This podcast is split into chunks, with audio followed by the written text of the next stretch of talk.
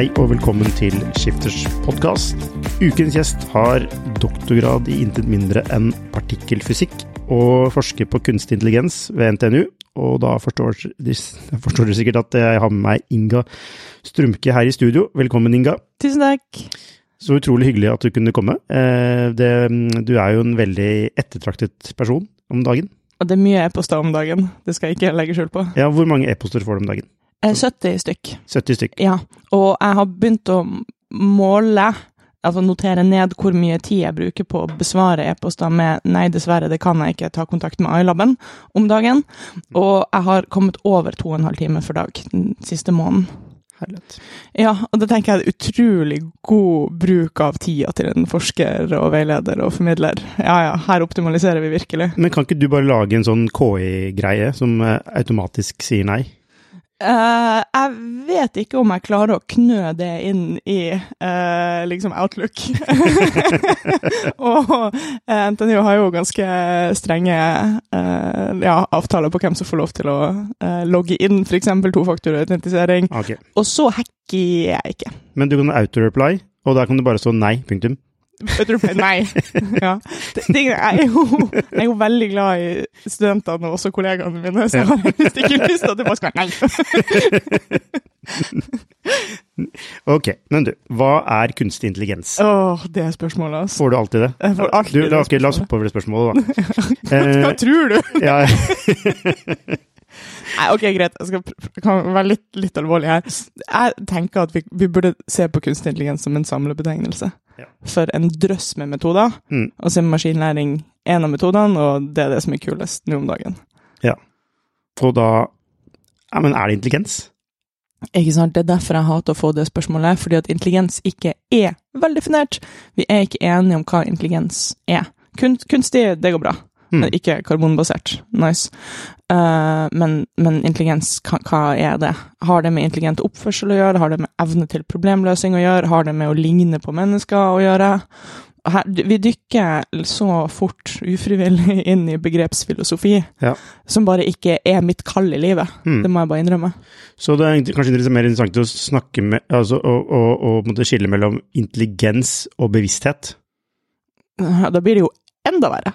Ja, hvorfor det? Eh, Nei, for at, altså, om vi ikke har definert intelligens, så kan vi jo ikke engang begynne å snakke om bevissthet.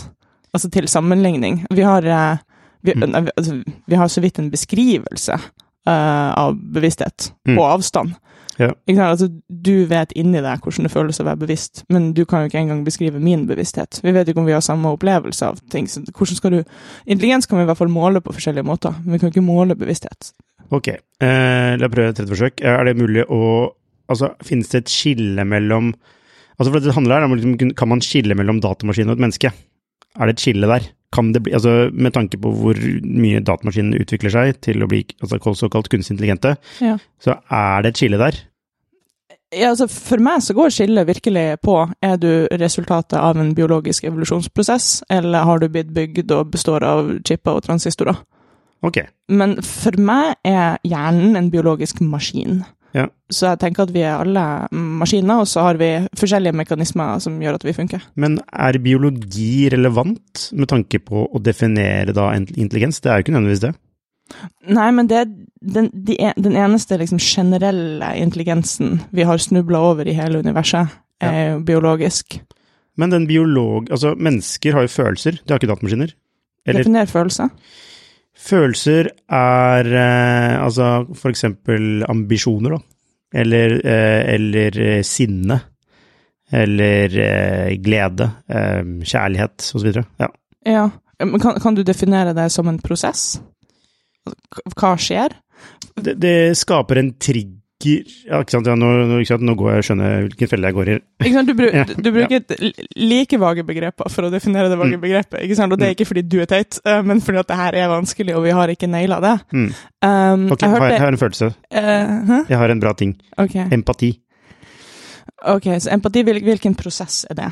Eh, det er den prosessen at du observerer noen andre sin atferd, og så lager du en indre modell av hva de sannsynligvis har som mål og problemer, og i det hele tatt. Og da snakker vi om generativ modellering, Ja. og vi har absolutt veldig gode maskinlæringsmodeller som gjør generativ modellering. Som, men, som igjen motiverer meg til Det motiverer meg Det trigger meg Det trigger en handling, da. Men det, det trenger ikke være intelligent, da. Eller sånt. Nei, men det kan vi også oversette til prosess- eller, eller, eller maskinlæringsspråk for den del. Hvis det utløser et eller annet ønske i deg om en atferd, så kan vi si at det appellerer til din taps- eller optimaliseringsfunksjon. Så det blir relevant for eh, hvilke handlinger du velger å utføre for å oppnå dine mål. Ok, da. Se, Hva med selvoppholdelsesdriften, da? Overlevelsesdrift? Ja, jeg vil jo si at vi mennesker har mange mm, proxyer.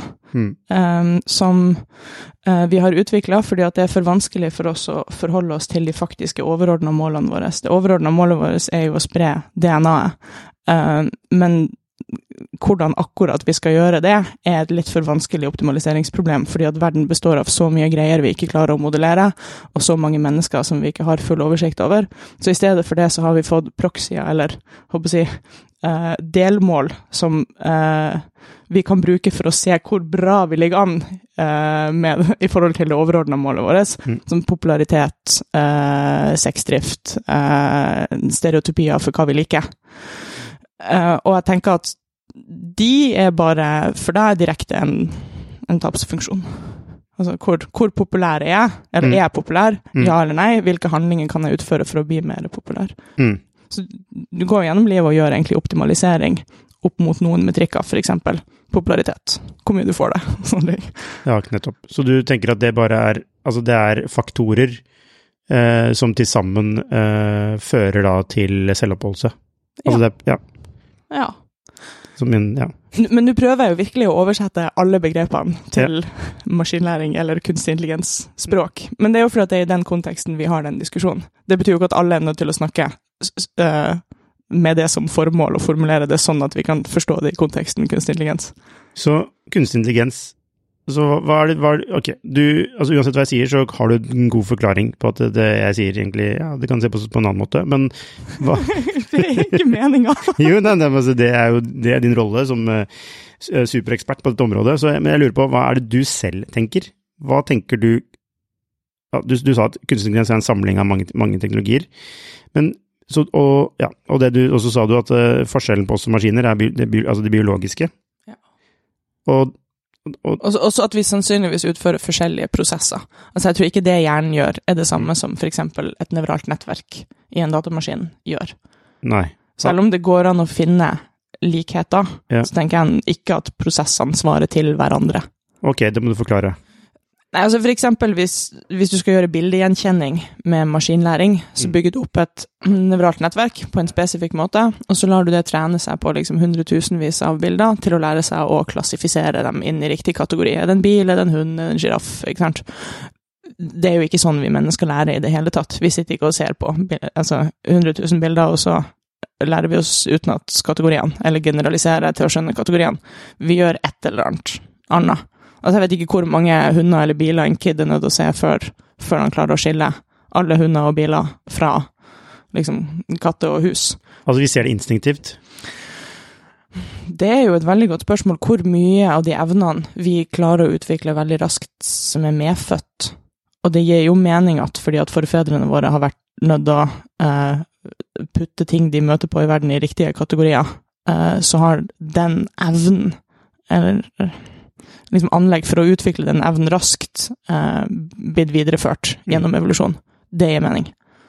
Så hvis, hvis, hvis en datamaskin må trenes på millioner av bilder, og vi kan liksom nesten bare se en hund en gang, og så klare liksom, å definere da essensen av hund, Mhm. så sier noe om måtte, forskjellen i kapasitet da, den biologiske hjernen har. Altså, eller i eh, Ikke kapasitet, men i altså, Altså anlegg for evne. Ja. Vi har anlegg til å, til å tilegne oss noen evner veldig raskt. Språk også har vi jo anlegg for. Så det er et eller annet med oppbygginga av hjernearkitekturen Mm. som ligger veldig til rette for løsninger av visse typer problemer. Men det gjelder jo, gjelder jo ikke f.eks. differensialligninger. Det har vi veldig dårlig anlegg for. Det, vi, det, det finnes mange evner vi er nødt til å trene og utdanne oss for i mange år for å klare å tilegne oss. Mm. Og det er evner som maskiner eh, tilegner seg mye raskere enn vi gjør. Men maskiner, altså bare sånn veldig sånn åpent sånn spørsmål. Altså, hvis jeg bare for å forstå det. Altså, når, hvis, jeg, hvis jeg spør ChatGPT om hva én pluss én er, Mm. så svarer den to. Ja. Men den regner ikke det ut, gjør den det? Hvordan, er det den, hvordan Forklar hvordan det skjer. Ja, ok, så uh, ChatGPT har en modell inni seg, en, en språkmodell, som heter GPT. Ja. Eh, det står for Generative Pre-trained Transformer. Så de, eh, de tre ordene forteller oss noe om hvordan den er bygd opp, og hvordan den er trent opp, og hva den gjør. Så det, greia med generative er at den genererer språk, og greia med transformer, det er det, det er navnet på en spesifikk oppbygging av nevrale nettverk, um, som var et enormt uh, forskningsgjennombrudd innenfor kunstig språkforståelse, uh, som ble publisert i 2017. Så siden 2017 har vi egentlig hatt tilgang til uh, den, den si, teknologien som man trenger for å få sånne chatboter som ChatGPT til å funke. Og det sånn transformer-arkitektur gjør, det at den har et stort vokabular, alle ordene den kan, um, og så regner den ut, for hver setningssnutt du gir den, eller for hvert ord du gir den, så regner den ut sannsynligheten for at det påfølgende ordet, ordet skal være hvert av ordene i den sitt vokabular, og så gir den deg det mest sannsynlige ordet. Mm. Og måten å regne ut den sannsynligheten på, det er ganske hysterisk innfløkt og komplisert, men det koker ned til at den skjønner hvilket ord i en setning som fortjener mest oppmerksomhet. Så for eksempel hvis jeg sier jeg var i en bilulykke i går, så skjønner du at jeg ikke vil snakke om liksom i går. Jeg vil snakke om bilulykke. Mm, ja. Du skjønner hvilket ord som fortjener oppmerksomhet, selv om det ikke nødvendigvis var det siste ordet jeg sa. Mm. Så selv om setninger er sekvenser, så er det ikke det, eh, det umiddelbart forrige ordet som er mest viktig, det kan være et annet ord. Og det er det de her transformer-modellene klarer veldig godt. Hvilket ord her er meningsbæreren i setninga, hva skal jeg vie oppmerksomhet? Hvordan finner den, hvordan finner den ut det? Nei, det er uh, det, det, jeg håper å si, det har jeg ikke greid å lage en god forklaringsmodell på ennå, fordi at denne transformer-arkitekturen er eh, skikkelig komplisert. Og det her er ikke jeg håper jeg, midt ned i mitt eh, forskningsfelt. Så hvis jeg skal prøve å forklare det, så hadde jeg begynt å rante om noe sånn key value eh, pairs og noe oppslag og noe attention-mekanismer, og så hadde det bare blitt utrolig dårlig. Okay. Så jeg må rett og slett anbefale YouTube-videoer eller andre gjester. Så det er, så det er liksom rett og slett for vanskelig for en, en doktor i partikkelfysikk? Men det er jo ikke så rart. Partikkelfysikk handler jo ikke om, om transformer nevralnett. Og så har jeg aldri forska, jeg har ikke en eneste publikasjon innenfor det her feltet som er kunstig språkforståelse. Nei, men, men du har jo en, en forståelse altså du, du forstår jo dette feltet. Det, poenget mitt var ikke å si at, det, at du ikke var så smart, men poenget mitt er å si at liksom, når en så, så smart og flink person som deg eh, altså, ikke sant, sliter med å forklare det, så lurer jeg på liksom, ok, for vanlige folk, da. Hvordan skal de forholde seg til disse tingene? Ja. Hvordan, hvordan skal de forstå hva som egentlig skjer nå? Ja, sant. Så altså, grunnen til at jeg ikke forstår det, er jo det er sannsynligvis ikke at jeg er, liksom for dum, eller at det er umulig å forstå, eller noe sånt. Det er jo fordi at jeg ikke har eh, investert nok tid Mm. i å forstå det. Ja. Eh, ja. Nei, liksom, men... Vi, vi må alle styre tidsbruken vår, og vi kan ikke forvente at vanlige folk der ute skal bare si ok, nå skal jeg forstå et eller annet du nesten må ha liksom mastergrad i datavitenskap for å forstå. Mm. Absolutt ikke. Men jeg tenker ikke at vi er nødt til å forstå teknologi inngående, alle mann alle, for at vi skulle kunne bruke det på en ansvarlig måte. Altså, jeg, eh, jeg har en bil. Jeg har ikke snøring på hvordan bil funker.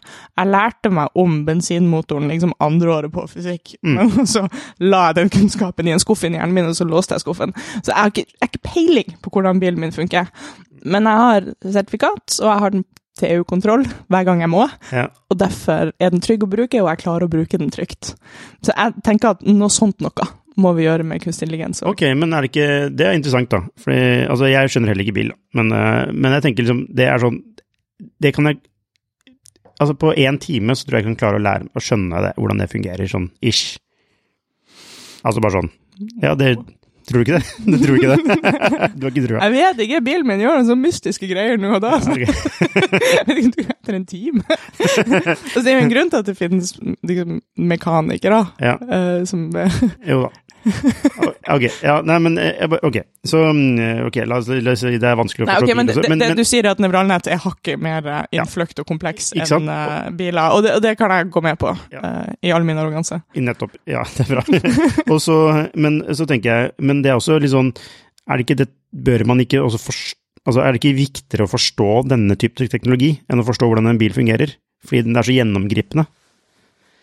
Jo, um, det er viktig at noen forstår det, og det er viktig at de rette rollene i samfunnet forstår det. Ja. Og jeg er jo litt frustrert over, uh, over at det per nå ikke er noen som eier ansvaret for at riktig instans skal forstå det. Vi har ikke tilsyn, eksempel, med avanserte AI-systemer de, de, bare skjer. Selv om vi vet at reguleringene våre ofte ikke er tilstrekkelig eller adekvat for å treffe AI-systemer.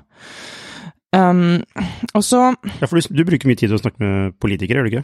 Ja, veldig masse. Jeg er jo glad for at de har blitt si, interessert. Det har skjedd et eller annet denne våren. Ja. Og jeg tenker at jeg hater jo ChatGPT av mange grunner, men så elsker jeg den av noen grunner òg. Og en av grunnene er at liksom politikere har skjønt at de må tenke på kunstig intelligens. Mm. Takk, ChatGPT. High five, OpenAI. yeah.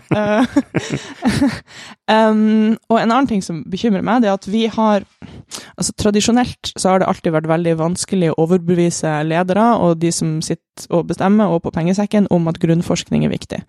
Selv om vi har sett at grunnforskning er det som har ført til de aller største fremskrittene våre. Altså, Einstein satt og lurte på hvordan det føles, ville føltes å ri på en lysstråle, og takket være det fikk vi GPS liksom mange tiår senere.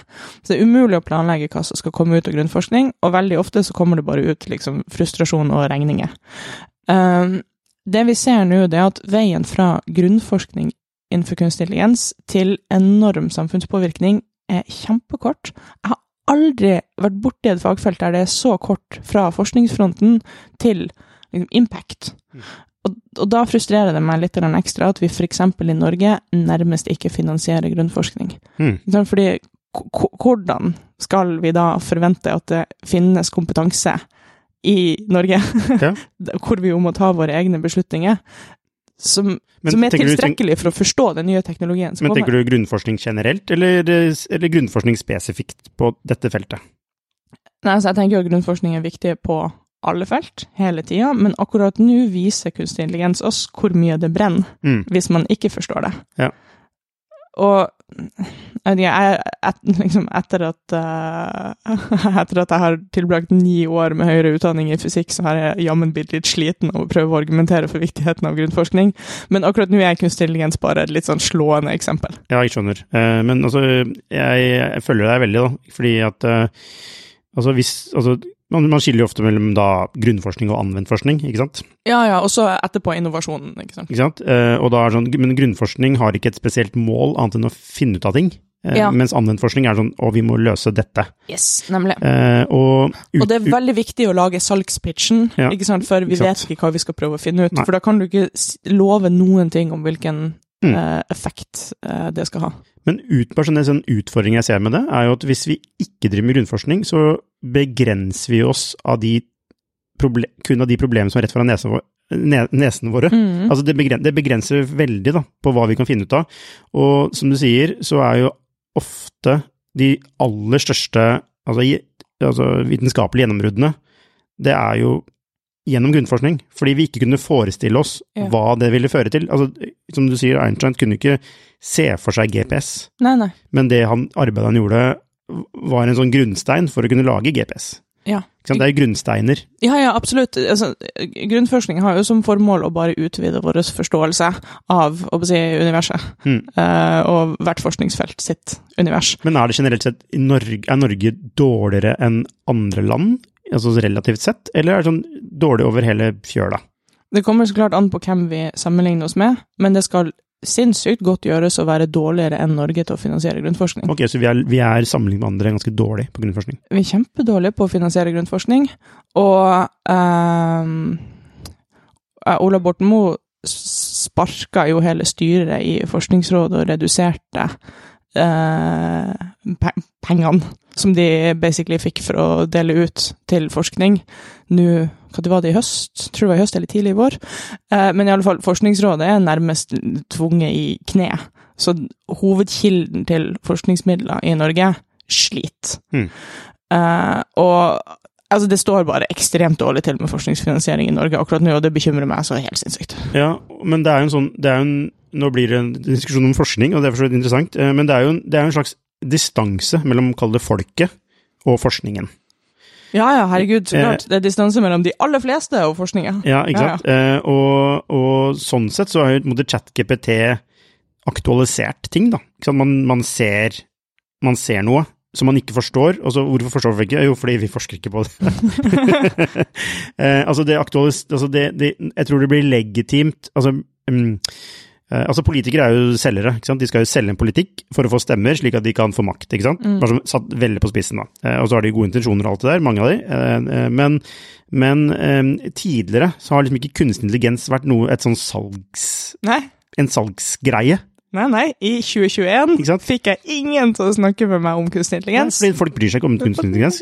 Og nå plutselig bryr folk seg, og da har politikerne lyst til å snakke med meg. Ja. Men har du inntrykk av uh, i hvilken grad det, det måtte, Altså, hvor gjennomgripende er det? Altså, folk, er det sånn Er det sånn alle tenker, snakker om ChatGPT, eller er det sånn de med mest utdanning Altså, det er liksom første skanse, liksom?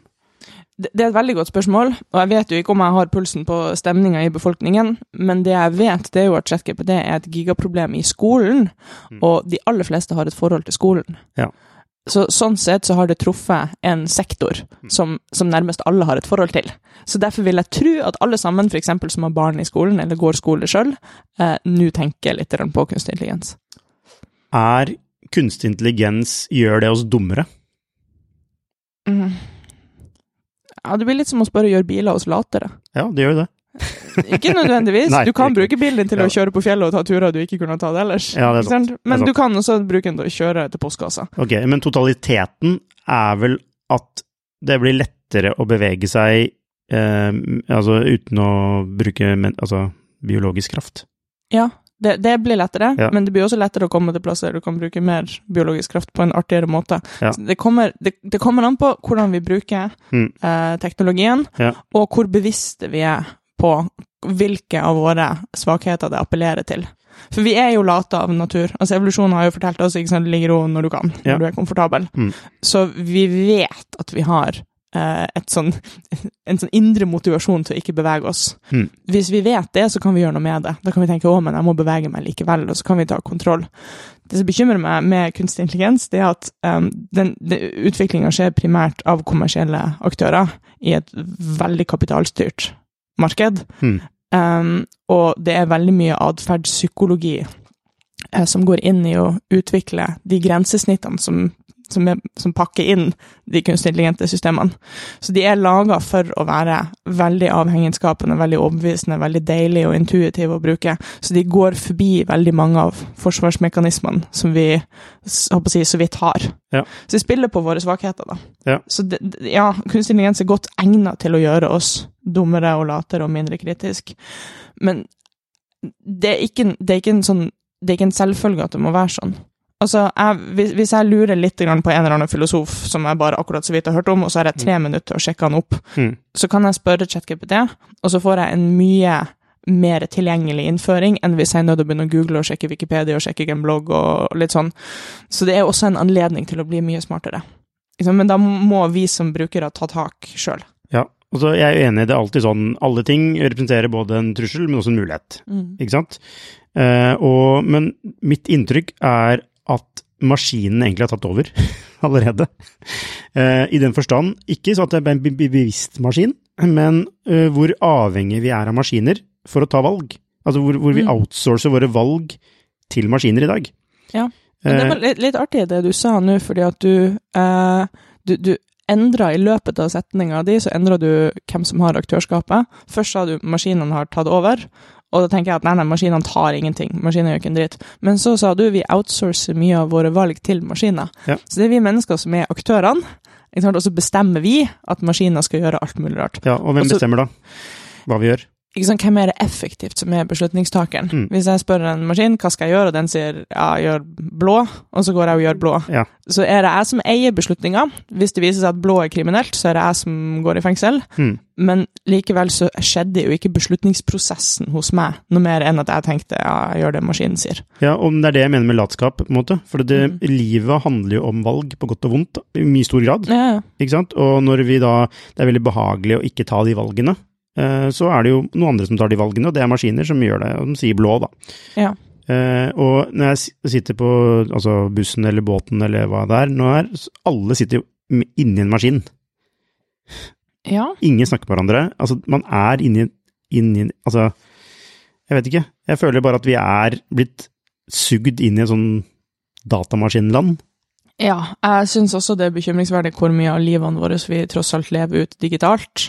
Ehm, men kanskje ikke av den mest nærliggende grunnen. Så jeg tenker jo, når jeg ser noen som sitter på telefonen sin, så tenker jeg ok, de kommuniserer kanskje med venner, de leser kanskje noe vettugt, de slapper kanskje av. Så jeg tenker umiddelbart det er kanskje mye positivt som foregår på skjermen. Um, det som bekymrer meg mer, det er det at vi har utvikla oss gjennom mange millioner år eh, til å ha intuisjon for den fysiske verden. Og i den fysiske verden så er det f.eks. sånn at hvis det, eh, hvis det finnes et hemmelig objekt, så kan jeg grave det ned. Og hvis ingen finner hullet mitt i bakken, så fortsetter det objektet å være hemmelig. Sånn er det jo ikke i den digitale verden i det hele tatt.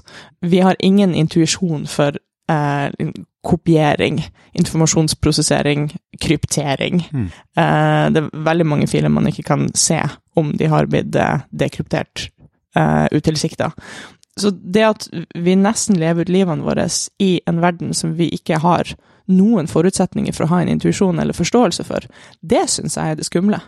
Mm. Og det Senest i morges, da jeg overnatta hos ei venninne, som, som sa jeg bare, bare elsker kodelåsen på døra mi, så hvis jeg noen gang flytter, så er det første jeg skal få meg, det kodelås på døra. Så jeg bare du skal bytte ut et tannhjul med en datamaskin som, kan, liksom, som sannsynligvis har elendig sikkerhet. Mm. Er du gal? Ja. og så hadde vi en lang diskusjon om ikke sant, hva eh, Det er det mest behagelige å gjøre, da. det er det me- ja, og det var akkurat det som var hennes eh, argument. da. Jeg kan sitte på jobb med appen min og åpne døra for noen. Jeg trenger aldri å liksom sende rundt en nøkkel. Mm. Den her teite nøkkelen din kan kopieres. Eh, det er mye mer behagelig Ja. sant, for meg å ha bare tilgang til en app, og som kan låse opp døra. Mens jeg hjemme, jeg, jeg har ett stykke teknologi hjemme, og det er høyttalere. Og de er ikke liksom på Bluetooth engang, de er kun på de kun på Wi-Fi-en, og de går ofte og bytter wifi-passord. Altså, ingenting sånn Alexa eller sånn overvåkningssystemer. Ja, Nei, ikke i det hele tatt. Jeg skjønner ikke at folk tør. Interessant det, hvordan de som vet mest om noe, er de som bruker det minst. Altså, Folk i Silicon Valley bruker jo stort sett ikke smarttelefon. Nei. Og, ja, ikke sant? og de sender barna sine på Montessori-skoler uten skjerm. Eh, og mm, eh, Det er så talende. Ja. Og det sier så mye. Ja, det, men det er jo altså Jeg syns det er litt sånn trist også, fordi de som vet, vet. Eh, Ja. og og det, det er en sånn Jeg vet ikke, det er en Det er noe usosialt ved det. Det er noe at de, Usolidarisk. Unnskyld, solidarisk. Bra. Mm, Ja. ja. Mm. Det er det, ja. De som produserer teknologien, vet at de selv ikke burde bruke den. Uh, Mark Zuckerberg sine uh, rådgivere sier jo at han skal slette Facebook-dataene sine jevnlig, og han får jo slette dem eh, i en grad som vi vanlige dødelige brukere sannsynligvis ikke har tilgang til å slette dem. Mm. Fordi at de skjønner hvor viktig det er med hans personvern. Ja, dette er veldig interessant. Dette med, dette med du sier med Altså, vi er jo, vi er jo altså mm, utviklet oss, altså, ev, altså er evolert ev, Utvikler seg til evol... Ja, evolved. Ja, ja, Ja. evolved i en fysisk verden, ikke sant? I, Ja. i millioner av år. Ja. Eller hvor mange år? Jeg vet ikke. Hvor mange år er det? Altså, er i hvert fall millioner av år. millioner Altså, jeg vet at mens dinosaurene vandra på jorden, Mm. da var vi Mm. noen sånne artige små rotter. Ja. Så, og det var da vi utvikla hørsel. Ja, ikke sant. Eller sånn sinnssykt god hørsel. Men vi er jo som rotter. Vi er jo som rotter, da, i en digital verden. Ja. Som ja, rotter er i en fysisk verden for millioner av år siden. Ja, det kan vi kanskje si. Ja, er vi ikke det? Altså, vi er jo egentlig som barn som ikke vet vårt beste, og som vandrer rundt og ser godteri og vil bare spise godteri. Hva, hva, er en god, hva er en god metafor til hvem vi er i den digitale verden? Ja. Eh, Nei, jeg vil ikke egentlig si at i den digitale verden så er vi bare aliens. For vi er smarte, og det finnes miljø der vi fungerer i, og der vi kan være veldig intelligent. Men så finnes det noen miljø som vi bare ikke har forutsetninger for å bevege oss i på en trygg måte, og det er for meg den digitale Jo, verden. men selv om Er det ikke den trygg... Den, altså de som vet og, og, og altså, altså de som vet, de holder seg unna. Fordi, det er akkurat det. Ja, fordi, fordi at de vet at eh, selv om de selv tenker at de har kontrollen, så har de ikke kontrollen. Fordi det er man, man er, altså, Som et barn, da, eh, så er det noen andre som er mye smartere enn deg, som har lagd et miljø eh, som er tenkt ut på en måte som gjør at du, du egentlig ikke vet hva du gjør. Altså, du er egentlig bare Du blir styrt inn i en, et spor, altså en, en rute. Ja, Blir du styrt, eller er det bare Altså, på internett Jeg tenker at Eller du blir nudga inn, i- inn i en sånn sti. Ja, men det er jo ingen der som har en plan om hva den stien skal være. Altså, det er jo bare masse forskjellige isolerte systemer som påvirker deg. Og så tenker jeg at det er ingen, ingen som har en sånn overordna plan om hva et menneske skal gjøre på internett. Det er mer sånn vi vil ha vi, sånn cookies, ikke sant? Vi vil ha dataen om atferden der, sånn at vi kan vise den annonsen, og så ha det bra. Jo, jo, nei, det er ikke en sånn grand scheme, det er ikke en sånn svær greie, men det er mange små, ikke sant? Ja, Eh, Ok, jeg går inn i Facebook, da er det liksom en rute inn der man blir styrt gjennom, ikke sant? ja, ja Eh, feeden din. Ja, ikke sant? Det samme, altså, i alle produkter man er inne i digitale produkter med, så er det en sånn, det er en sånn, man kaller det sånn kundereise, da, eller sånn, man skal liksom definere folk gjennom en, en Sant? Vi bruker sånne fine ord. Vi skal sende deg på en reise. ja, ja, Ja, takk! jo, En reise? Ja, ja. Gratis? ja, ikke sant, gratis, nei, nettopp. Ja, nei, jeg kjenner det, ok, og, ikke sant, når, når det skjer, så er det vi enda mer avhengig av at vi har myndigheter med tilsyn, og som kan regulere. Og da trenger man kompetanse. Ja. Ja. Og så tenker jeg lykke til med å utdanne eller få tak i riktig kompetanse akkurat nå. Jeg tror det vanskeligste du kan gjøre i Norge i dag, er å prøve å ansette en AI-utvikler. Ja. For det er jo skrikende behov for denne kompetansen, og vi utdanner jo ikke nok folk, vi har jo ikke nok studieplasser, og vi trenger jo kompetansen allerede. Og det finnes absolutt masse megasmarte folk med AI-kompetanse i Norge, men jeg tenker vi har kanskje ikke nok av dem, og så tenker jeg at vi ikke har dem på de rette plassene. Hmm. Men trenger vi nok en, nok en AI-utvikler, eller tenker, tenk, trenger vi egentlig sånn, det vi egentlig trenger er sånn AI-politi, Eh, Ja, men AI-politiet, det hadde jo da vært eh, si, utvikleren. et, nei, det hadde jo vært et mandat eller et apparat, eller altså en, en samling mennesker. Så hadde jo spørsmålet vært hvilke kompetanser skal vi putte inn der? Mm. Og da må vi ha juss og IT-sikkerhet Filosofer. og eh, kanskje etikere. Ja. Ja. Nei, etikk er jo filosofi.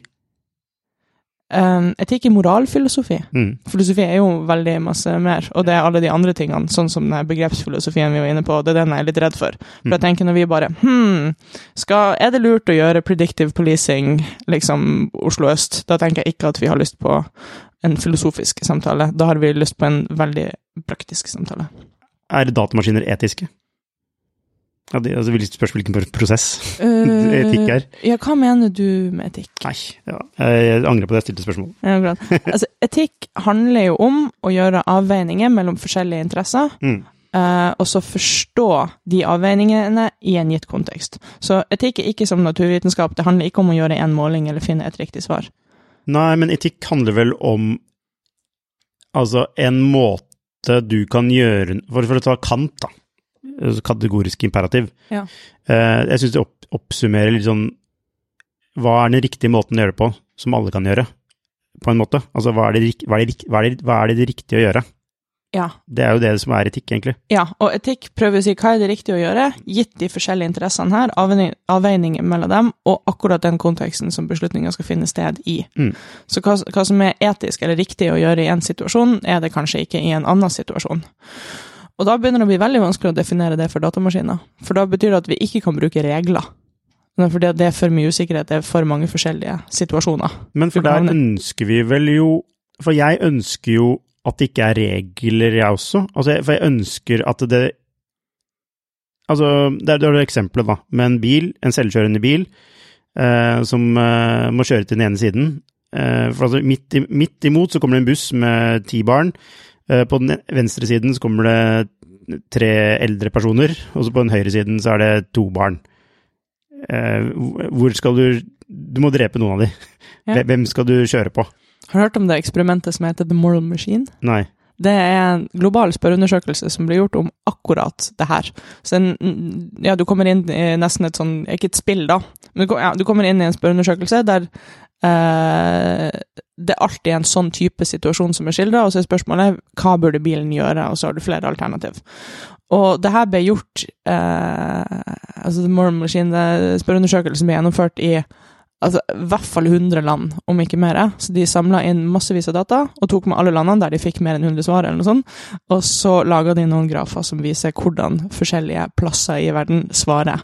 Og det er enorme forskjeller. Mm. Så de, jeg tror de laga tre sånne clusters med vestlig, østlig og sørlig eh, deler av verden.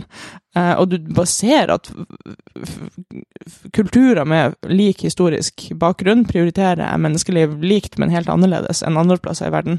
Så da er vi igjen på det med avveininger i en kontekst. Hmm. Så det spørs hvem du spør, og når. Ja, men jeg tenker jo at jeg liker at det, litt at det ikke er et svar. Hvorfor liker du at det ikke er et svar? Fordi da kanskje jeg overlever hvis jeg er blant de eldre. Liker at du ikke blir liksom kategorisk Nei, drept. Ja, jeg vil, at jeg vil ikke at det skal være en regel som sier at jeg skal bli drept. Jeg vil at det skal bare være Altså at det, skjer. Enten så skjer det, så skjer det ikke. Du vil at det skal være tilfeldig? Ja, Ok, det er gøy, men det, da er det jo det som er styreprinsippet. ja, men da sier du at du egentlig ikke vil at beslutninga skal finnes. Jeg vil jo det, da. Ja, at Jeg vil, sånn jeg vil, jeg vil at noen skal eh, prøve å gjøre det beste de kan, og så skjer det som skjer. Mhm. Ok, det jeg syns er interessant med, med det, det her sporvognsproblemet som det i praksis er med selvkjørende biler, det er det at hvis det er et menneske som kjører, eller havner i en ulykke, så, så finnes det ikke en beslutning der. Fordi menneskene netter helt ned, og vi klarer ikke å ta beslutninger Mm. og ta inn over oss observasjoner raskt nok. Så da er det tilfeldig hva som skjer. Ja. Mens i det du putter en maskin der, så har de kapasitet til å ta inn over seg observasjoner og ta en beslutning. Så beslutningsrommet oppstår i det du plasserer en maskin der. Og det jeg hører deg si, det er egentlig Jeg vil ikke at beslutningsrommet skal oppstå. Nettopp. Ja, Det skal være tilfeldig, for det føles på en eller annen måte mest rettferdig. Ja. Det er ikke merittene og alderen din som skal avgjøre om du overlever. Nettopp. Det skal heller være tilfeldig. Er, det, er, det, er det det riktige svaret? Finnes ingen riktig svar. Men skjønner du hvorfor jeg, hvorfor jeg tenker at det, hvorfor jeg syns det er det beste svaret for meg? Nei. Fordi er det, ok, så det er uvanlig å tenke det. Fordi jeg, jeg, jeg, jeg vil ikke at min død skal være, ut, altså være et resultat av en kalkulasjon av en datamaskin. Og den følelsen tror jeg veldig mange deler. Mm. Eh, og, og det tenker du for deg sjøl. Men si, si at du hadde zooma ut da, og sett på et helt samfunn.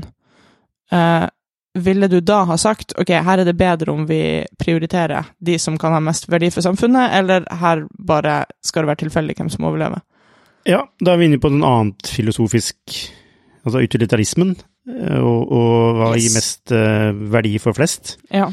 Så ja, nei, du, det er jo Ja, jeg vet ikke. Det, Nei, nei, altså- er, det er selvfølgelig Altså, ja. Det men ja. Men jeg vil ikke at vi skal snakke om sånne ting. Nei, ok, greit, vi driter i det. Nei, nei, ikke nå, ikke snakke nå. Tulla. Jeg var kødda. Ja. Nei, ok, og eh, Grunnen til at jeg stiller de spørsmålene, er jo ikke at jeg prøver å liksom lede deg inn til det jeg mener er riktig svar, for jeg vet virkelig ikke hva som er riktig svar, men det her viser hvor hysterisk komplekst det er, og hvor vanskelige beslutninger vi noen gang ender opp med å måtte ta, Mm. og som jeg tenker at de aller fleste områder i samfunnet ikke er helt moden for å ta. Jeg tror jeg kom på én sektor der vi har denne modenheten, og det er medisin. For i medisin så har man veldig lenge vært nødt til å ta vanskelige beslutninger av typen denne medisinen koster en million kroner i uka og kan forlenge et liv med et halvt år. Skal vi gjøre det? Fordi da er det her penger som ikke kan gå til andre. Ja. Så innenfor medisin, medisin har man faktisk vært nødt til å nærmest regne ut verdien til et liv. Mm. Og gjøre avveining av liksom, livskvalitet opp mot samfunnsøkonomi. Men det, jeg tror ikke det er noen andre sektorer jeg klarer å komme på, der man, der man har den modenheten til å ta sånne diskusjoner. Ja, for du skulle kalle det modenhet. Ja. Så du mener at det er riktig å ta disse, disse altså, I motsetning til meg, da, så, så mener du Du er kanskje ikke sikker på svaret, men du mener at det er bedre at det kalkuleres enn at eh, det er tilfeldig. Nei, altså, det kan jo være en beslutning at du vil at det skal være tilfeldig. Mm. Ja, men da må det være en beslutning. Ja, men du vil, hva ville du gjort, da? Altså, hva, Ville du at det skulle være tilfeldig, eller at du, det er en kalkulasjon, hvis du var i faresonen? Aner ikke. Og det, som, det jeg syns er så synd, at jeg ikke har noe sånn ryggmargsrefleks heller. Så hvis jeg bare må si noe, så har jeg bare Nei, jeg vet, ikke. Så da blir det random, da. Da, da, er vi tilbake på tilfeldig. okay. Ja, men da blir det tilfeldig. Ok, vedtatt. Yes, ok. Neste punkt. Uh, vil AI eh, i, altså fjerne alle jobber med, for folk? Hmm. Hmm, Det er jo en veldig kort del av liksom, menneskets historie at vi har hatt jobber. Mm. Så for meg så gir det ikke nødvendigvis mening å se på liksom, jobb som en sånn naturlig del av liv. Mm. Um, jeg tenker ikke at maskiner noen gang blir å komme og si 'flytt deg, jeg skal ha jobben din', men det kan godt hende at vi kan automatisere alle prosessene som må utføres i samfunnet for at det skal gå rundt. Uh, det tror jeg. Um, men målet vårt er jo ikke at det skal gå rundt, og så kan alle bare være lykkelige. Målet vårt er jo, hvis du ser ut, økonomisk vekst. Og jeg hater jo det målet. Mm. Uh, og lønnen er jo omtrent det eneste maktmiddelet mennesker faktisk har uh, mot myndigheter. Og nå høres det ut som jeg ikke liker myndigheter, jeg liker myndigheter veldig godt, men i praksis er jo liksom nekte å jobbe det eneste du kan gjøre for å liksom utøve press oppover. Mm. Um, så jeg tror det er urealistisk å tro at maskiner bare skal overta alle oppgavene våre uten at liksom, veldig mye av samfunnet kollapser. Da må vi finne en annen måte å strukturere maktforhold på. Hmm. Jeg må tenke litt, jeg. Ehm, ok, så um, Ok, kan du forklare det litt enklere så jeg forstår? De må, det, ikke, det handler ikke om man skal jobbe eller ikke. Det handler om altså, samfunnsstrukturen. Ja, for meg gjør det det. For, altså, si for at Man ser for deg at alle prosesser bare kunne bli utført av maskiner. Mennesker trenger ikke å jobbe lenger. Hvordan skulle det samfunnet sett ut? Hvem skal ta beslutninger? For uh, alt som får det til å gå rundt Mm. i samfunnet, er jo jobber. Ja. Hvor, hvor, hvor, jeg, jeg, ser ikke, jeg ser ikke for meg den samfunnsstrukturen engang. Jeg vet ikke hvordan et sånt samfunn skulle sett ut. Nei, men ja. Altså, det var, Vi må jo omtrent tilbake til liksom steinalderen for å finne et godt eksempel. Mm. Og Da vasa alle rundt og sørga for at de var liksom varme og ikke sulten. Og ja, Men tror du at det, liksom, det er sånn sirkulært, at vi går tilbake til steinalderen igjen? Det ender opp med det. Det, det, er, Nei, jeg- det er mange sånne sirkler, så vi er egentlig på sånn uendelig unen, altså, ja. Grunnen til at jeg ikke tror det, det er at vi har tilgang til informasjon nå, og vi har en evne til kommunikasjon som, eh, som gir oss en anledning og en lyst til å leve helt annerledes enn da. Um, så i det aller meste av menneskehetens historie så har vi jo vært nødt å forholde oss til små grupper med mennesker. Liksom hun- hundre folk, landsbyen vår. Nå kan vi jo faktisk forholde oss, tror vi i alle fall, til hele verden. Så vi liksom tar inn over oss mye, mye større, mer komplekst system, Ja. og så påvirker det vi erfarer fra hele det systemet, beslutningene våre. Hmm. Um, så det, det, det blir jo umiddelbart kaotisk, da. Jeg aner ikke hvordan man skulle ha strukturert et sånt samfunn i det hele tatt, der vi ikke jobber, men har tilgang til å kommunisere med i hele Hmm. verden. Men du, så, du, du tror, så, du, så du tror ikke at det, vi, vi kommer til et punkt hvor vi ikke jobber? Fordi du klarer ikke å se for deg hvordan det vil være? Og nei, Den gode nyheten er jo det at jeg ikke klarer å se for meg noe, betyr ikke at det ikke går an å, å fikse det. Men jeg tenker at liksom din uh, lokale partikkelfysiker slash AI-forsker kanskje ikke er rette vedkommende til Ja. å Men, men mener du da at man ikke bør frykte å miste jobben din? Sånn som samfunnet er lagt opp nå, så er det jo helt krise hvis du mister jobben din. Altså En ting er at du mister inntekt, men du mister jo også en, det jeg vil si er en, en av dine fremste identitetsmarkører. Altså Hvis noen sier 'hei, hvem er du?', så er du veldig fort inne på hva som er jobben din. Ja. Så det å ikke ha en jobb akkurat nå, tenker jeg er et gigaproblem. Mm. Det er så mye vi er nødt til å forandre hvis vi ikke skal ha jobber lenger. Jo, men ok, for å si det sånn da. Vil noen miste jobben sin? Altså, en ting er at alle mister jobben, men vil noen miste jobben sin? Um, ja, hvis ledelsen bestemmer at denne prosessen skal utføres av en maskin, Ja. og tilstrekkelig nok av arbeidsoppgavene til en arbeidstaker eh, automatiseres vekk, gis til maskiner, og vedkommende ikke passer inn i andre roller eller klarer å videreutdanne seg, så ja. Ok, så eh, fra det ene eksempelet og trekker opp på et litt makronivå, tror du at det vil være mange som mister jobben pga. på grunn av AI? Åh, det, er det er et så sinnssykt vanskelig spørsmål, for det er så mye usikkerhet rundt det.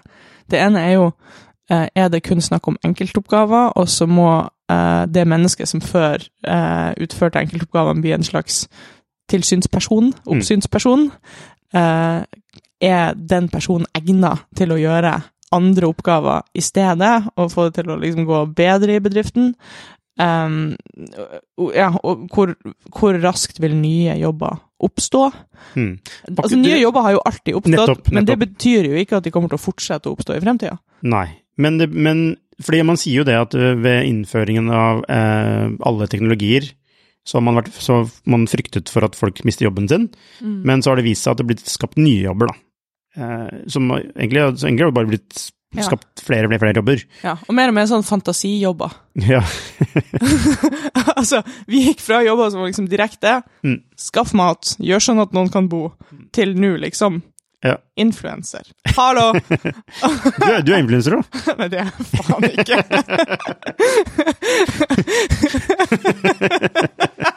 Dumme start. Ja. Men uh, det som er interessant i denne konteksten, da, det er jo at før har økonomien vært veldig avhengig av at folk har det bra. Mm. Altså I hva det var, eh, 1800-tallet så jobba sånn 95% av alle i jordbruk. Mm. Hvis folk ikke hadde det bra, så Mm. laga de ikke mat, og da gikk det jævlig dårlig for samfunnet. Økonomien i dag er ikke like avhengig av at folk har det bra. Fordi at altså, hva som jobber Hvor mange mennesker jobber i jordbruk nå? Det er sånn 2 eller Mm. et eller annet. Mm. Det er i stor grad helautomatisert. Ja. Vi er mye mindre avhengig av mennesker som har det bra. Og vi er jo veldig mange flere enn vi trenger å være for å få det til å gå rundt.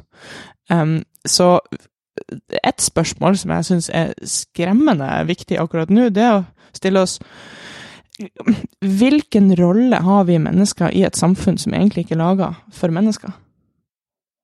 For ingen av våre økonomiske mål handler egentlig om at samfunnet skal være en bra plass for mennesker. Mm. Så hva blir rollen vår faktisk? Og jeg, og jeg aner ikke. Hva tenker du da? det spørsmålet du? skremmer meg. Hva, hva har du, du har jo tenkt på det spørsmålet, så hva tenker du? Jeg tenker at vi mennesker ender opp som konsumenter. Og det er jo ikke noe jeg vil være. Nei. Altså i motsetning til produsenter? Ja, eller ja, i motsetning til produsenter eller aktører. Har du sett Wall-E? Ja, ja der, der har vi det. Litt karikert, men Ja. der har vi det. Så, for da, da, da blir jo planeten blir så ødelagt eh, av eh, søppel Mm. at menneskeheten må reise av Oppå et romskip. Romskip. Der har du sånn Ja. si, tegneserielogikk. Men ja. Ja. yes, hvor de, sitter, hvor de bare sitter på sånne svevende stoler og drikker milkshake. Ja, og konsumere. Mm. Ikke sant? Mentalt og fysisk, så bare sitter de der og konsumerer. Så de slutter å ta aktive valg. Er det det du frykter at, men, at, at det kommer til å skje? Altså, i, en, en sånn Altså ikke akkurat det, at vi reiser med romskip, men at noe sånt noe skjer? At man vil sitte og bare konsumere? Ja, vi må skille mellom frykte og forvente. Mm. Jeg vet ikke hva jeg forventer. Jeg syns samfunnsutvikling er veldig vanskelig å få å, ja, skulle Mm. spå noe om, og så Mm. har jeg jo hodet langt inn i min egen navel. Det har jeg jo. Men ja, frykte, ja. Og så vet jeg ikke hva jeg forventer. Men er det også en sånn Altså, mennesker er jo mennesker. Det er jo noe som forut, uforutsigbart um, ved det. Altså, det er vanskelig å måtte, tenke en Se for seg en modell med mennesker, fordi den, blir, den, den vil bli utviklet av menneskene. Ja, ja, ja yes. Mm. Uh, ja, og vi ser jo at makroøkonomi er jo en artig sport. uh, ikke sant? Fordi Mm. at hvis du uh, Ja, du kan ikke anta at mennesker er rasjonelle aktører. Kanskje hvis du zoomer langt nok ut, men Det er egentlig litt som anvendt forskning og grunnforskning. Mennesker er grunnforskning. Det er artig parallell. Altså, mennesker er jo eh, Altså, å prøve å modellere systemer av eh, mennesker Mm. er jo eh, Det er jo nærmest kaotisk. For Hvis noen snakker med naboen, og naboen har fått seg en kul bil, så kan det hende de går og kjøper seg en kul bil. Vanskelig å modellere. Mm. Ikke sant? Ja. Ja jeg misunner ikke økonomene. Det er for mange hva er det for noe, variabler. Altså, modeller kan du lage hvis du har kjente variabler, ikke sant? Relativt kjente altså, desto, Hvis du har full kontroll på variablene, så kan du lage altså, eksperimenter, for eksempel. Ikke sant? Hvis du har veldig full kontroll Dette kan du, Nå snakker jeg om ting jeg ikke har peiling på, men, som, men, eh, men for meg så er det sånn har du, ikke sant? Hvis det er én ting som er tre variabler, og du kan påvirke variablene, så kan du liksom også predikere hva utfallet vil bli, på en måte. Ja, hvis du kjenner relasjonen mellom variablene. Ja, mm. Så det er jo sånn vi gjør naturvitenskap. Ja. sant? Jeg er naturlov som, eh, som forbinder de her tre variablene. Mm. Men jeg tenker jo kanskje ikke at det finnes naturlover for mennesker. Nå tenker jeg at vi snakker statistikk, Ja. og vi kjenner ikke de statistiske fordelingene Nei. som folk oppfører seg etter. Nettopp. Og det, og det er, sant? det er uendelig antall også variabler. Som vi, altså En ting er at det er mange variabler, men de, vi kjenner dem heller ikke. Nei, nei, nei. Altså, jeg, vet, jeg aner ikke hva som er liksom, driverne for menneskelig atferd. Altså, herregud, hvis vi er ordentlig, ordentlig uheldige, så er det jo faktisk kvantusikkerhet i hjernen vår. Ja. og da, da snakker vi ekte bokstavelig tilfeldighet, så er han i få kildene til tilfeldighet vi har i universet. Ok, du, vi må, vi må mm, runde av. Du skal Ja. løpe videre. Um, det jeg lurer på til slutt Hvis du skal gi noen råd til eh, den yngre befolkningen, eh, yngre delen av befolkningen. Um, altså, hvilken karriere bør man Hva bør man gjøre? Altså, hva er en smart karriere å velge?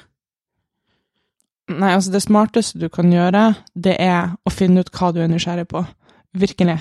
Hvis du er nysgjerrig på liksom kvantebiologi, så ikke tenk at du er nødt til å bli utvikler, fordi at ellers får du ikke jobb. Mm. Virkelig, vær så snill. Altså, jeg gjorde, jeg gjorde kvantefeltteori ved endelig temperatur på masteren min, ikke sant? og nå har jeg vært på Stortinget og snakka med politikere om hvordan vi burde regulere kunstig intelligens. Um, så du, en ting er at du sannsynligvis ikke kommer til å jobbe med akkurat det du studerer, men du kommer til å bruke de evnene du tilegner deg. Og den beste måten å tilegne deg evner på, det er å drive med ting som du synes er skikkelig verdt å drive med. Så følg nysgjerrigheten, ikke komforten, og ikke tenk Altså, ikke ta inn over deg det der uh, spørsmålet om hva vil være nyttig for samfunnet om 20 år. Det er ikke ditt ansvar. Nei, så bare gjør noe som du selv syns er spennende, fordi da har du faktisk sjansen til å bli veldig god på det. Ja, rett og slett. Bare gøy med det du gjør, og gjør ting du syns er gøy. Ok, men da er det, det er et element at du må velge noe som du kan bli veldig god Altså, du må bli veldig god på noe. Ja, og så en sånn, sånn, Tilleggstips det her er jo å gjøre noe som er litt grann vanskelig. Altså ikke gå for den umiddelbare flytsonen. Liksom, jeg skjønner at det er gøy å spille fotball, ikke sant? Ja. Men, men ta noe som du tenker at du må eh, liksom videreutvikle eh, dine mentale eller intellektuelle evner for å få til. Ok. Eh, hvis du skal gi et råd til eh, gründere Få deg en jobb Nei, ok, nei, unnskyld, unnskyld, unnskyld. Nei, jeg vet ikke, jeg ringer Innovasjon Norge eller et eller det, Jeg aner ikke hvordan det feltet der funker. Lykke til med det her uh, Hva det heter for noe? Venture capital. Ja. Høres ut som det verste i verden. Ja. Uh, lykke til. Masse lykke til. Min fulle medfølelse. Men altså, disse OpenAI-gutta, eh, altså ChatGPT, altså Sam Altman, det er jo gründere. Det er jo, de kommer jo fra denne bransjen, altså startup-miljø. Eh, Ja, ja, det kan gå bra. For Ja. en solskinnshistorie. Eh, men det, det jeg tenkte du kanskje ville si, da, var altså rundt det Altså når man utvikler produkter, altså det etiske rundt det. Mm. Altså er det smart å gjøre fordi det kommer til å bli eh, altså regulert på et eller annet tidspunkt? Altså være forut? Eh, Veldig godt spørsmål. Um, for det er umulig å si hvor strengt det kommer til å bli regulert. Det er vanskelig å si hva man blir å kunne komme unna med. Og så er det vanskelig å si hvor mye forbrukere kommer til å bry seg om det. mm, Forbrukere sier jo og etikk er så viktig, og jeg skal ikke ha Kinderegg med palmeolje, eller hva det er, og så fortsetter vi å kjøpe fra Amazon, som har kanskje den mest uetiske praksisen noe sted, hvis vi ikke tar med kjøttindustrien. Um, så veldig vanskelig å spå Mm. hva som er lurt å gjøre, men jeg sier forhold deg til gjeldende reguleringer og de vi ser i horisonten. Eksempel hvis du lærer AI, så les gjennom AI Act, for den kommer sannsynligvis i 2025-2026 en gang. Men handler det om å forholde seg til gjeldende regler og fremtidige regler mer enn at du må liksom bare være sånn etisk fundert? Jeg tenker sånn at du måtte Det som Google hadde før, da, 'don't do evil'-type ting. Eh, Nå er det, ikke, det gjelder ikke det lenger, men Ja, det ene er at det ikke gjelder lenger, og det andre er at det er ekstremt vagt. Altså, hva skal det bety? Ja. Altså, det er klart jeg syns at etikk er viktig, men etikk er ikke bindende, og det er en elendig regulerende, eller koordinerende mekanisme. Um, så at- vær etisk, vær snill, ikke sant? Det, det, Ja. det er veldig vanskelig å skjønne hva det skal bety da, men jo, jo, jo, herregud, så klart. Tenk bærekraft, tenk ikke utnytting, tenk maksimer menneskelig autonomi. Lykke til med å selge et produkt som oppfyller alle de. ja, Altså, jeg hater jo markedskapitalisme. Jeg gjør jo virkelig det. du gjør det. Ja, altså, ikke fordi at jeg ikke liker optimaliseringsalgoritmer, som Nei. jo kapitalismen er, Mm. men fordi at jeg ser at utfallet er så himmelropende uetisk og lite bærekraftig. Ja, det stemmer. Samtidig så er jo altså kapitalismen har jo ført til en del utvikling da, også. Ja, som sagt, en fantastisk optimaliseringsalgoritme. Altså, Mm. Hvis man vil ha utvikling og økonomisk vekst, så er det helt spektakulært effektivt. Veldig bra. Alt til sitt bruk. Men tror du ikke folk i dag vil si at det, det, er, ingen, det er ikke mange i dag som ville si at det var, det var bedre på 50-tallet? Det kommer helt an på hva du måler. Nei, velferden var ikke bedre, men liksom CO2-nivåene i atmosfæren var bedre. Mm. Vi vet ikke nå ennå om det på lang sikt var lurt, det vi gjorde. Nei, det er selvfølgelig et godt poeng. Eh, eh, men sånn menneskelig altså tilfredshet, tror jeg er høyere nå enn før, men altså plan planetens tilfredshet er mye lavere. Ja. Ok. okay. Eh, eh, næringslivsledere som måtte Ok, nå kommer det en ny teknologi. Eh, nå ser vi chatcup. Altså, hva, liksom, hva, hvordan skal de forholde seg til eh, dette? Altså, for det kommer jo nye ting hele tiden. ja. Hva, hvordan forholder man seg til det? Altså, ikke tenk at det her er et uh, tog du er nødt til å hoppe på, hvis ikke så blir du ukulest i gjengen. Nei. Uh, gå tilbake, tenk hva er de overordna målene våre, hva er vår raison d'être, hvorfor mm. finnes vi, hva er de problemene vi vil løse? Så forstå teknologien tilstrekkelig til å finne ut hvordan den kan hjelpe til å løse problemene bedre. Og hvis den ikke kan det, så trenger den ikke å bruke den. Ok, vi skal avslutte helt på tampen med eh, det vi egentlig snakket om rett før sending, og det var spørsmålet hva er det som opptar deg mest innenfor det du holder på med? For du, du er, holder på med dette her hele tiden. Du snakker jo mange mikrofoner om AI og dessverre, det, det, dessverre, det, diverse. Ja, dessverre. Ja, um, og liksom, hvilken, hvilken problemstilling er det du er mest opptatt av innenfor dette spacet? Altså, det er jo det som er mitt forskningsspørsmål. Ja, hva er det da? Um, det heter forklarbar kunstig intelligens. Så det er Explainable AI. Det blir kort XI, som jo objektivt sett er den kuleste forkortelsen i universet. Og det handler om at Så si du har laga et AI-system eller en maskinlæringsmodell som klarer å løse et eller annet problem. Hva har det forstått? Så det er litt som å snakke med en alien og si hva har du skjønt om verden, Mm. eller om det her domenet? Hva baserer du beslutningene dine på, hvilke antakelser har du gjort? Så utvikler vi metoder for å prøve å finne ut det. Ja, For å skjønne hva det er den egentlig forstår? Ja. Det er sånn hjernekirurgi for maskinlæringsmodeller. Og dette er, er grunnforskning? Ja. ja. Så det er, De metodene må vi utvikle fra bunn. merker du at Tror du nå at vi vil få mer eh, finansiering av grunnforskning, altså innenfor dette feltet? Nei. Du tror ikke det, nei? Nei. Ok. Altså, hvor skal de pengene komme fra? Det må jo kuttes andre plasser. Og når vi har en så dårlig tradisjon for å finansiere grunnforskning i det hele tatt, hvordan, hvordan skal vi motivere det? Vi, ja, nei, ok, det, det blir mindre motorvei der, og så blir det litt mindre sykehus der, men så blir det mer grunnforskning på NTNU. Altså, lykke til med å selge det. Ok, Så din helt til slutt, en siste appell til politikere, hva må de gjøre? Eh, Bare ring meg, ordne seg. Inga, eh, tusen takk for at du kunne komme. Takk for meg. Okay. Veldig hyggelig og innsiktsfullt å snakke med deg. Og så masse lykke til videre, både i kampen for grunnforskning, men også med å spre det, det budskap. Glade budskap. Jeg holdt på å si glade budskap, men det er, ikke, det er, liksom- men det jeg har lært nå, at det er ikke det, det er nødt Altså, ja. Ja, spre det nyanserte budskapet. Budskapet, nettopp. Yes. Ha det fint. Ha det. Hei, hvis du likte denne episoden, så abonner på den, og gi den gjerne en femstjerners rating med dine tanker. Hvis du er interessert i temaene vi tar opp på denne podkasten, så anbefaler jeg deg å gå inn på skifter.no, og hvis du mener vi fortjener det, så kan du gjerne støtte oss ved å abonnere på Skifter. Takk for at du hørte på, så ses vi neste uke.